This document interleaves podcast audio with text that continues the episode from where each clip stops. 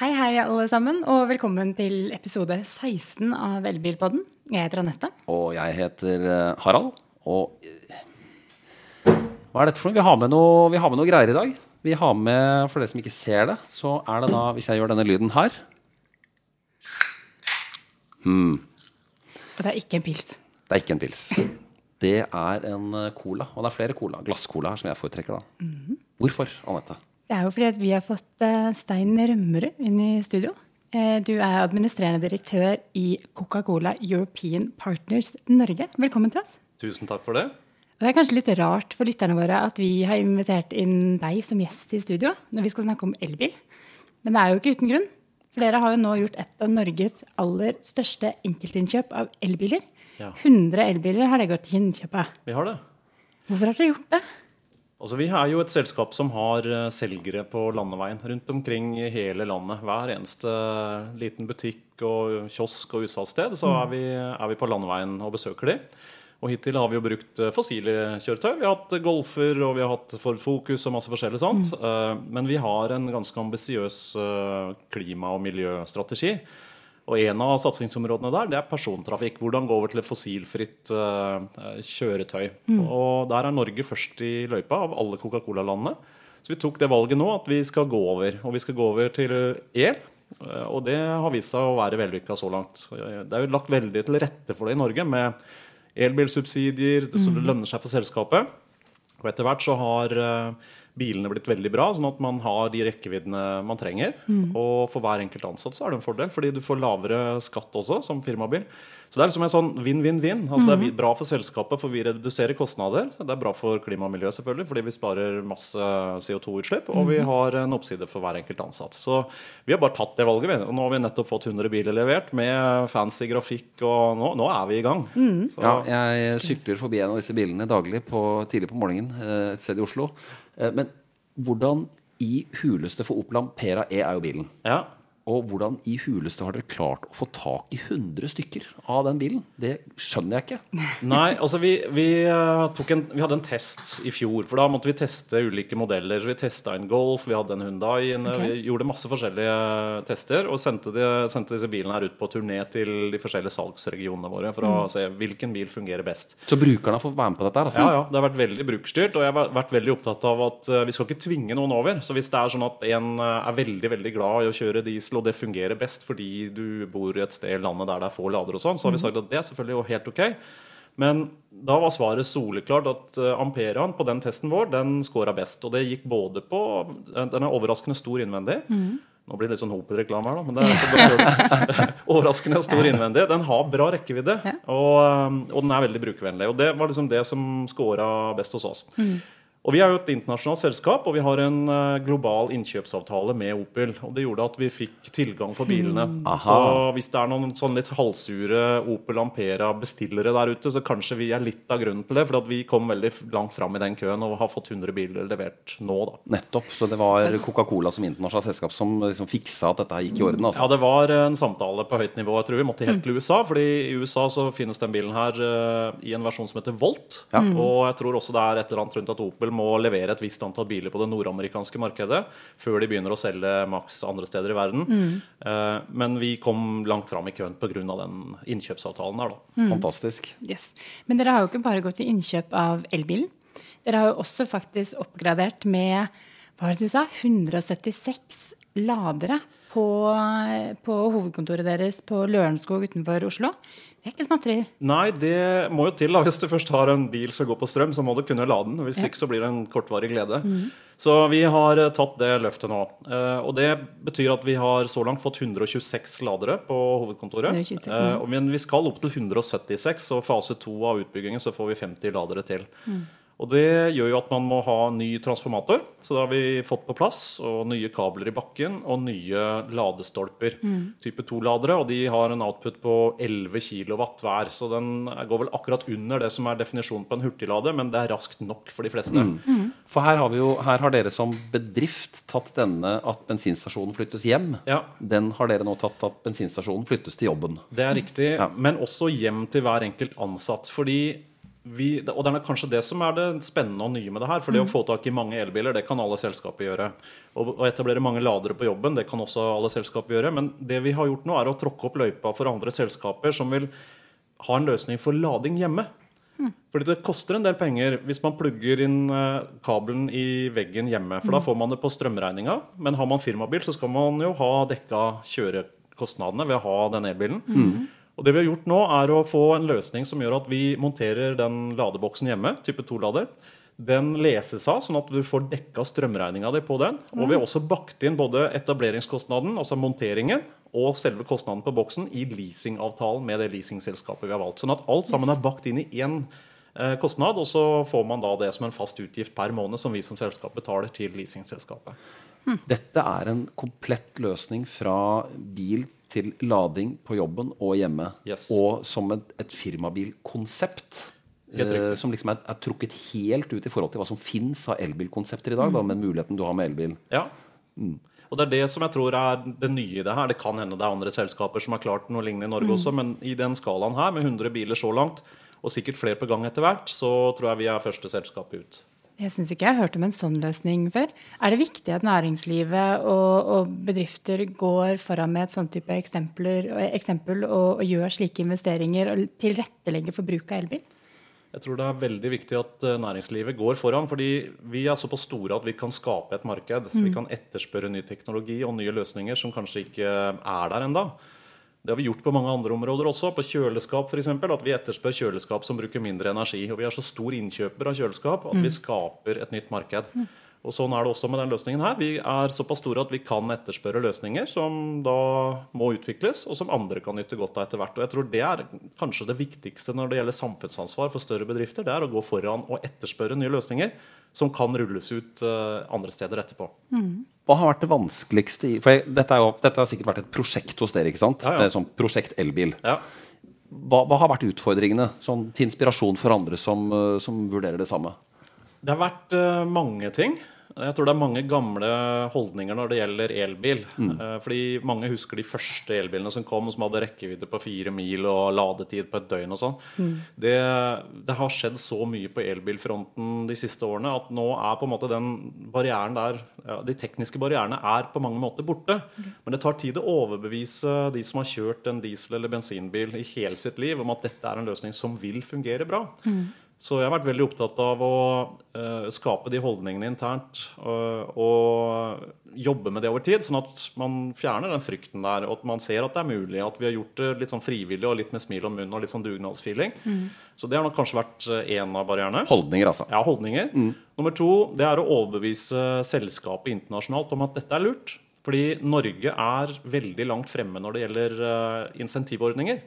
Med lavere avgifter, ikke sant? bompengering, årsavgifter, ingen uh, importavgift osv.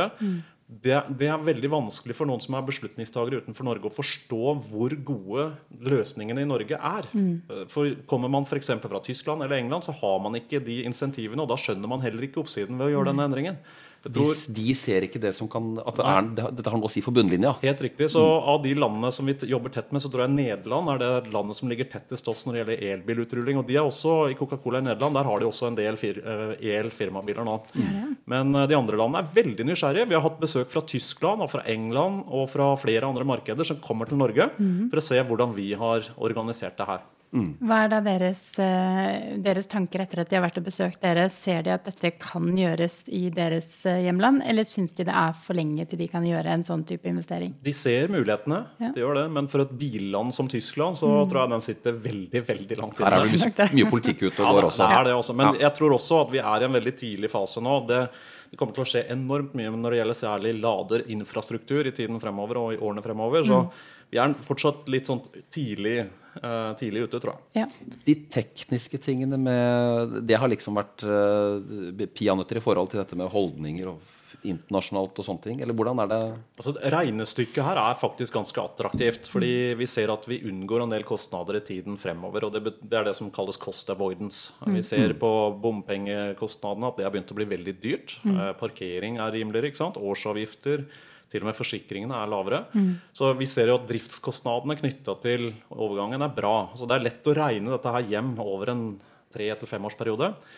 Eh, Så det har ikke vært noe issue, egentlig. Det tekniske, da gikk vi jo ut og henta inn anbud. Vi måtte ha en ny transformator, og det er ganske dyrt. Eh, Det er jo faktisk å bygge om strømopplegget i lokalmiljøet der. Ja, det er det. Og den trafoen, jeg var der da den ble heisa inn i det traforommet vårt, den er stor. eh, Og den koster en 5-6 millioner kroner. Og så har du i tillegg kostnadene med kabel, for du skal grave nye kabler, legge det til parkeringsplassen, og så må du ha opp stolpene. Og det finnes mange ulike løsninger også på ladestolper, så vi har vært ute og henta inn anbud fra flere forskjellige der. Og vi hadde også eh, enkelte elbilprodusenter som gjerne ville plassere sine ladere der. Det fins jo noen som har egne ladere med egen logo og egen løsning på, som gjerne vil ha den. Hadde sikkert en liten baktanke om kanskje å få parkeringsplassen full av akkurat det merket på sikt. Men, så vi har jobba mye med det og henta anbud og kommet opp med den løsningen som fungerer bra nå. Og der er det sånn at Når jeg parkerer min elbil om morgenen, så plugger jeg til. Og så må jeg bruke ansattkortet mitt mot den laderen, og så sier det klikk, og så begynner den å lade. Og da, så da har jeg eh, på sikt også oversikt over hvor mye strøm jeg bruker og andre ansatte bruker. Det er gratis å lade på jobb, men da har vi den løsningen i fremtida at hvis noen for eksempel da kommer og ønsker å sette bilen sin der og lade over tid, så kan vi også finne en løsning som gjør at de betaler for det, hvis, hvis vi vil det, da. Men det du kan slå fast nå, Stein Rømrød, er at eh, for andre bedrifter som, som lurer, det er faktisk mulig å ha en svær flåte med firmabiler, tilby en lading både på jobb og hjemme, og faktisk kunne, for de aller fleste, gjøre den jobben de skal i hele Norge. Ja, det er det, altså. Det, er, det er ikke bare mulig, men det er smart å gjøre det. det. Det er bra for miljøet, det er bra for hver enkelt ansatt, for det er lavere skatt, og selskapet sparer. Men du sier jo at veldig mange av de som har fått de elbilene nå, eh, har ikke vært elbilister tidligere. Så dette har vært en ganske ny reise for de. Hvordan har den overgangen vært? Nå har de jo kjørt rundt i disse bilene i noen måneder. Ja. Eh, Eller en måned. Hvordan, hvordan går hverdagen deres opp med, med å komme seg fra møte til møte, planlegge ladestasjon? Hva har du planlegge ladestopp? Hva har du fått av tilbakemeldinger der? Vi har en diskusjonsgruppe på intranettet vårt for elbilbrukere, og det er ganske morsomt å følge. For der er det, kommer jo erfaringer da hele veien. Og jeg syns én historie var utrolig morsom. En selger vi har på Stord på Vestlandet som hadde plukka opp Opelen sin, kjørte fra Lørenskog med fullada batterier og gønna på. Eh, Kjørte som vanlig, fulgte fartsgrensa og liksom gjorde ikke noe ekstra. Nei. Kom til tror jeg var på Haukelifjell, stoppa der, tok en kjøttkakemiddag mens bilen lada, satte seg inn og kjørte hjem igjen. Og sendte en sånn overstrømmende e-post tilbake og Sa dette her gikk kjempebra. Det gikk uh, akkurat som om jeg hadde kjørt Golfen min. Ja. Uh, jeg hadde stoppa der uansett. Og den, hadde, den har altså en rekkevidde på godt over 30 mil ved normal kjøring. Ikke noe problem. Så har vi fått tilbakemelding fra andre som har kjøreruter med butikker der det er få ladere. Og de må tenke annerledes, altså. Da er det sånn jeg har faktisk brukt det eksempelet gamle kong Olav. Når det ble spurt hvordan eh, planlegger kongen toalettbesøkene sine, jo, da var det sånn at han sa han, han gikk ikke på toalettet når han måtte, men når han kunne. For sånn er det som konge. Du har masse besøk, ikke sant? Og sånn er det med elbil òg. Du må lade når du kan, og ikke når du må. Helt når du er på tur her. De sier jo, det var rådet vi fikk fra Fortum, var på besøk hos oss for noen uker siden. De sa jo det at du skal jo eh, lade når du stopper, ikke stoppe for å lade. Det er da elbilen fungerer i hverdagen. Eller gå på do, slik kong Olav gjorde. Eller gjør det. rett og slett. Uh, firmabilbeskatning det er et uh, viktig insentiv for dere. Altså, dette er jo del av regnestykket, ikke sant? Ja. Hva er det du vil si til politikerne om uh, elbil og firmabil uh, framover nå? For nå, altså, Insentivene vil jo fases ut på et vis. ikke sant? Ja. Eh, men hva, er det som er viktig for å nå 2025-målene? Hva, hva må politikerne få med seg når, på dette med firmabil? For det første så viser jo utrullingen av elbil i Norge at uh, insentiver fungerer. Så hvis politikerne vil, så kan de lage så attraktive gulrøtter at uh, man får sånne typer skifter som det vi tar, og som andre tar. Så det er veldig viktig å vite. Og så forstår jo alle at ettersom inntektene fra bilavgifter og drivstoffavgifter osv. er såpass store at når prosentandelen elbiler øker i samfunnet, så må selvfølgelig også myndighetene skru insentivordningene ned gradvis. fordi ellers så blir det store fiskalgap, som det kalles, altså hull i statsbudsjettet. Det, det skjønner alle. Men samtidig så tror jeg det er viktig nå å ikke bli frista til å stenge den krana der for tidlig. fordi at man må ha kritisk masse. Man må ha et moment når det gjelder elbil i samfunnet. Og Det dreier seg bl.a. om infrastrukturen. Eh, Jeg kjører jo elbil selv, og jeg ser hvor viktig det er. Og hvor vanskelig det er på f.eks. utfartsdager på en fredag før påskeferie eller noe, sånt, og du er avhengig av å lade. Da blir det fortsatt lange ladekøer. Så vi er veldig tidlig ute nå. Jeg tror det å begynne å stenge krana her, det er for tidlig.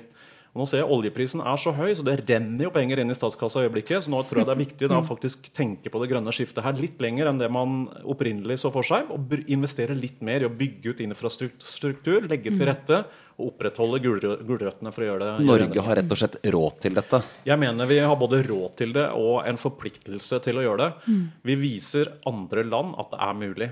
På samme måte som at vi som selskap viser andre selskap at det er mulig, så må Norge som nasjon gå foran i Europa og i det globale samfunnet og vise at det er faktisk mulig. Coca-Cola er en amerikansk merkevare. Eh, dere har eh, en slegge i USA som et hovedkontor. Har det blitt lagt merke til hva lille fisen Norge gjør? Det har det, altså. Vi har fått eh, en artikkel på det globale intranettet. Det er jeg litt stolt av. fordi eh, Det å komme opp liksom på den nyhetslista der, det er, eh, det er stort. Så det blir lagt merke til. Og vi har, jeg har fått masse henvendelser etterpå fra andre ledere i andre Coca-Cola-land.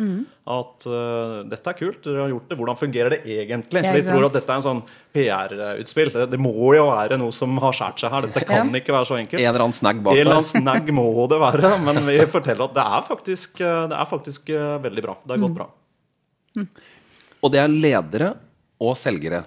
Så, så også sjefen kjører den elbilen. Det er ikke bare noe som er skrudd ned på, på, på selgeren. Ja, altså Jeg kjører ikke Opel Ampera selv. Jeg valgte bil før de Amperaene kom tilgjengelig. Men jeg har en kollega i ledergruppa som er uh, salgsdirektør for dagligvarekjedene. Og han, mm. uh, han kjører Ampera og pendler fra Kolbotn, tror jeg det er. Og det fungerer veldig bra for han.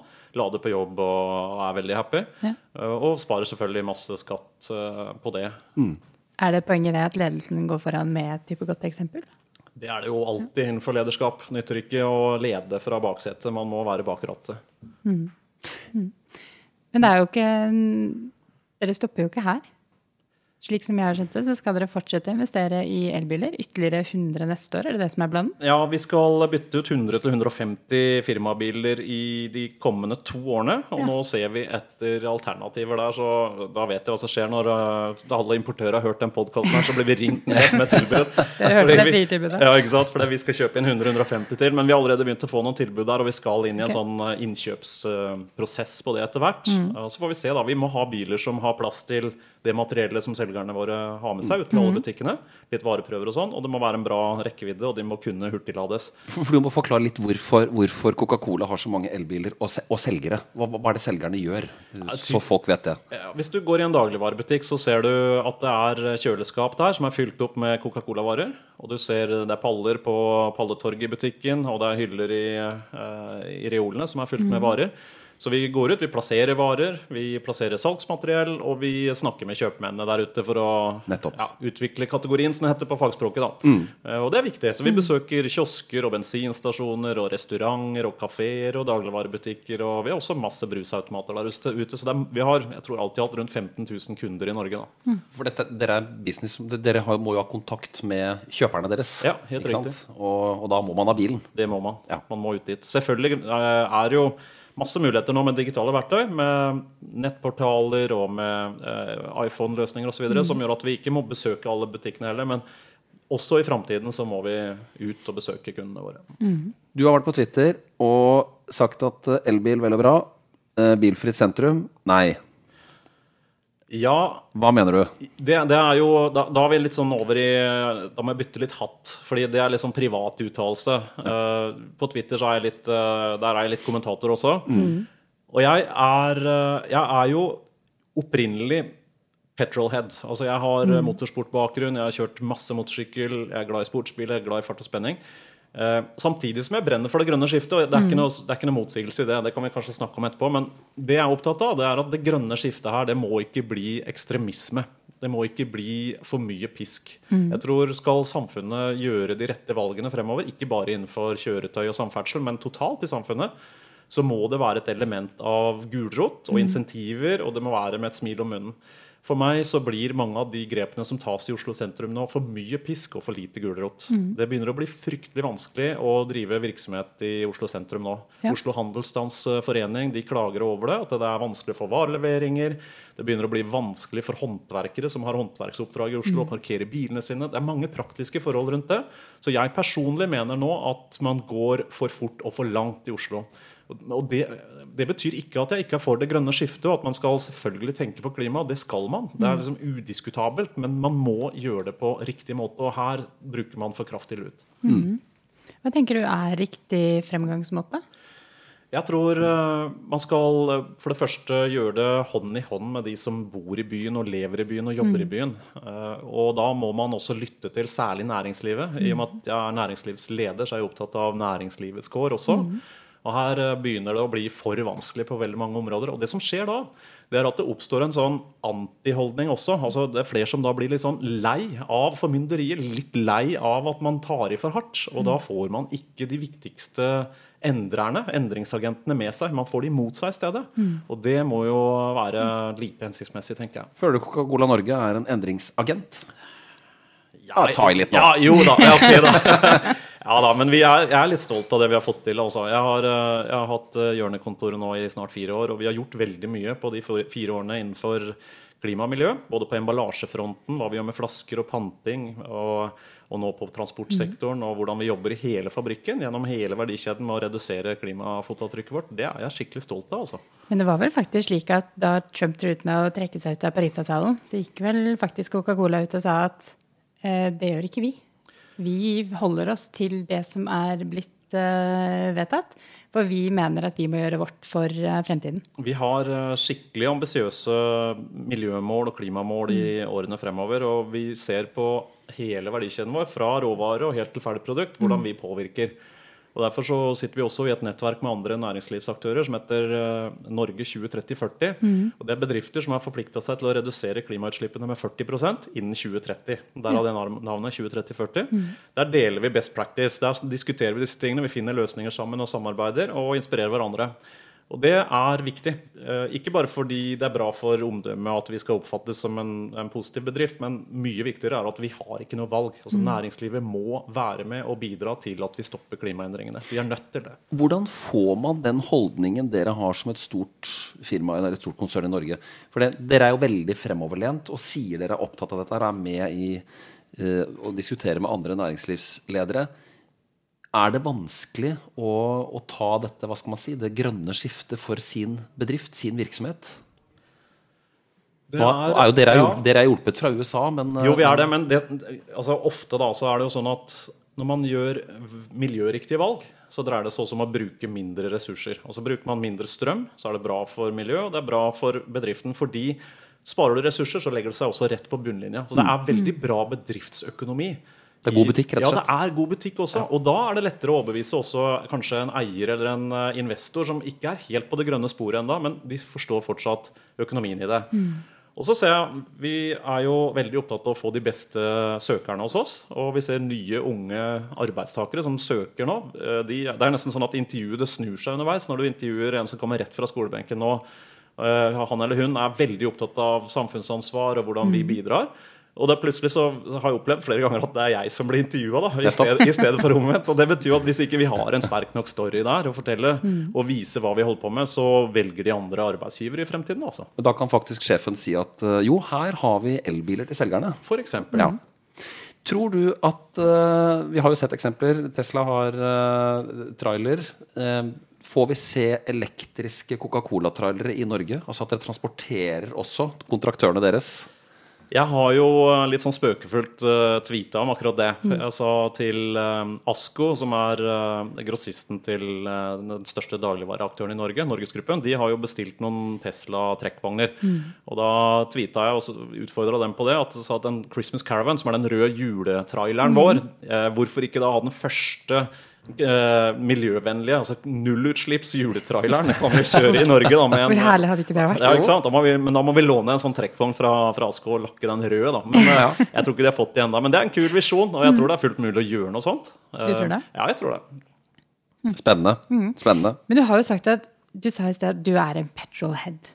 du har erfaring, eller du har bakgrunn fra road racing ja. som er motorsykkelsport. Mm. Og du sier at det betyr ikke at man ikke kan engasjere seg for elbiler og synes at det er gøy. Altså, Mannen har jo Porsche nøkkelring ja, her. Ja, det, det er akkurat det. vet du. Uh, uh, ja, jeg tror det For det første så ser vi jo et, et grønt skifte også innenfor motorsport. Vi mm. ser nå nye grener komme frem, både på fire og to hjul med elmotorsykler og el-racerbiler. Mm. Uh, Det kommer en ny serie i roadracing VM til neste år som heter Moto E, som er 100% elektriske.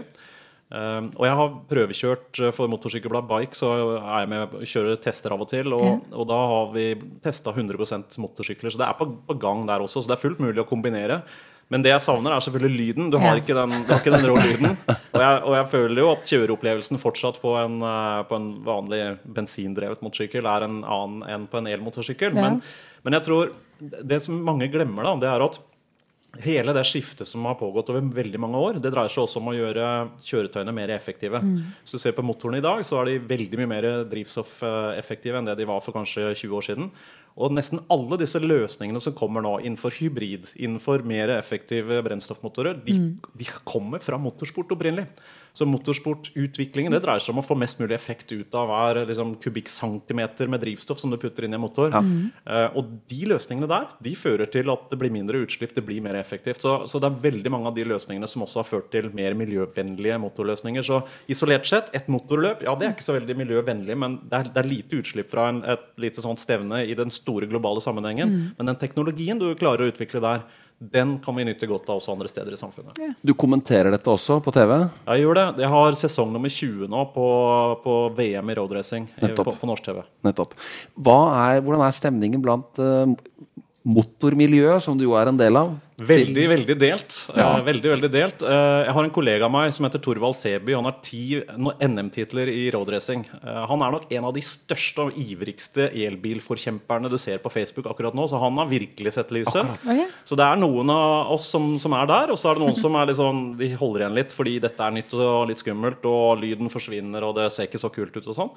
Men det er nybrottsarbeid. Jeg tror om eh, 10-15-20 år så vil det nok være mye mer både hybridløsninger, kanskje andre drivstoff, og også 100% el også innenfor motorsport. Så, Sånn har jo mennesker har gjort siden hest og kjerre, egentlig. Så, har vi jo, så fort det er noe som flytter seg fra A til B, så har vi jo konkurranser i å flytte oss raskest mulig fra A til B. Altså, det er, og om det er elmotor, eller om det er hydrogen, eller hva det er, det spiller ingen rolle. Folk vil alltid konkurrere, da. Hvordan er en elektrisk motorsykkel for den som eh. MC-folk kan kjøre elbil, men motorsykkelen i garasjen, den står der. Hvordan er Harley, det? Harley Davidson de sier jo faktisk at de skal lage sin første elektriske motorsykkel nå. Ja. de gjør det. Og jeg tror alle produsentene jobber nå med veldig spennende løsninger der. Men du har kjørt? Jeg har kjørt. eh, Vi kjørte en test i fjor. eh, To modeller. Og jeg brenner jo veldig for sportsmotorsykler. da De raske som er eh, bra akselerasjon, bra ytelser og også gode i svingene. Den vi kjørte da, det er en italiensk Energica. Eh, Den blir produsert i Modena, samme byen som Ferrari. Og det er veldig rå løsninger. Det er Brembo bremser, det er Marchesini-felger. Det er liksom topp, topp, topp notch på alt. Karbon ser veldig bra ut. Og effekten er rå. Altså, eh, akselerasjon rett frem, så får du jo alt dreiemomentet på en gang. Så du får veldig mye trykk eh, på den. Men du merker jo at eh, det er en annen løsning, både fordi du har ikke noe clutch, du har ikke noe girpedal, og du har heller Det er drive også her? Liksom. ja, det er det. Du bare gir gass, og så går det. Ja. Men det du merker, det er jo tyngden. fordi skal du ha mye effekt og bra rekkevidde, så må du ha en del batteri. Og batteri med dagens teknologi er fortsatt litt tunge. Så den veier da en eh, 80-100 kg mer enn det en sportssykkel med bensinmotor veier. Og det merker du veldig godt da hvis du kommer fra en, en av de råeste sportssyklene og flytter deg over på en sånn en, så merker du at det er mye tyngde der. Så fortsatt litt tidlig, tror jeg. Men her kommer det til å skje masse i løpet av de neste fem-ti årene. Utrolig. Ja, vet du hva. Jeg ser for deg den eh, roadtripen Route 66 med en elektrisk Harley Davidson. Som bare summer. Stil, ja, Som bare summer av gårde. Det er, no, det, blir, det er litt kult, men det er noe feil der òg. Ja, det, det er jo det, men det er veldig spennende. Dette var lærerikt eh, nok en gang. Dette her, Ja, dette er eh, veldig spennende å høre. Og ikke minst at eh, det som en At en næringslivsleder kan slå fast at jo, det er mulig å være grønn i bilparken og gjøre et grønt skifte for selgerne, som er veldig tradisjonelle, og som har sin hverdag der ute. Vi gleder oss til å se utviklingen videre hos dere. Og kanskje det kan så en liten spire hos andre næringslivsledere dette her, at det er faktisk mulig. Det er jo tydeligvis det. Ja. Så da sier vi eh, takk for besøket fra deg, Stein Rømrud, i Coca-Cola. Det var veldig hyggelig. Ja. Takk for meg. ja. Og så er vi tilbake om eh, 14 dagers eh, tid. Husk å følge oss på Facebook og Instagram, NAF Norge. Og husk at du kan eh, se og høre denne Elbilpodden enten på Facebook eller i iTunes og Soundcloud. Da kan du bare søke på Elbilpodden. Har du spørsmål, så kan du sende det til elbil.krøllalfa.naf.no. Og vil du lese mer om elbil, så følger du med på naf.no slash elbil. Der har vi masse tips, og der ligger også alle podkastene med lyd og bilde. hvis du ser det. Vi ses om 14 dager. Ha det så lenge. Ha det godt.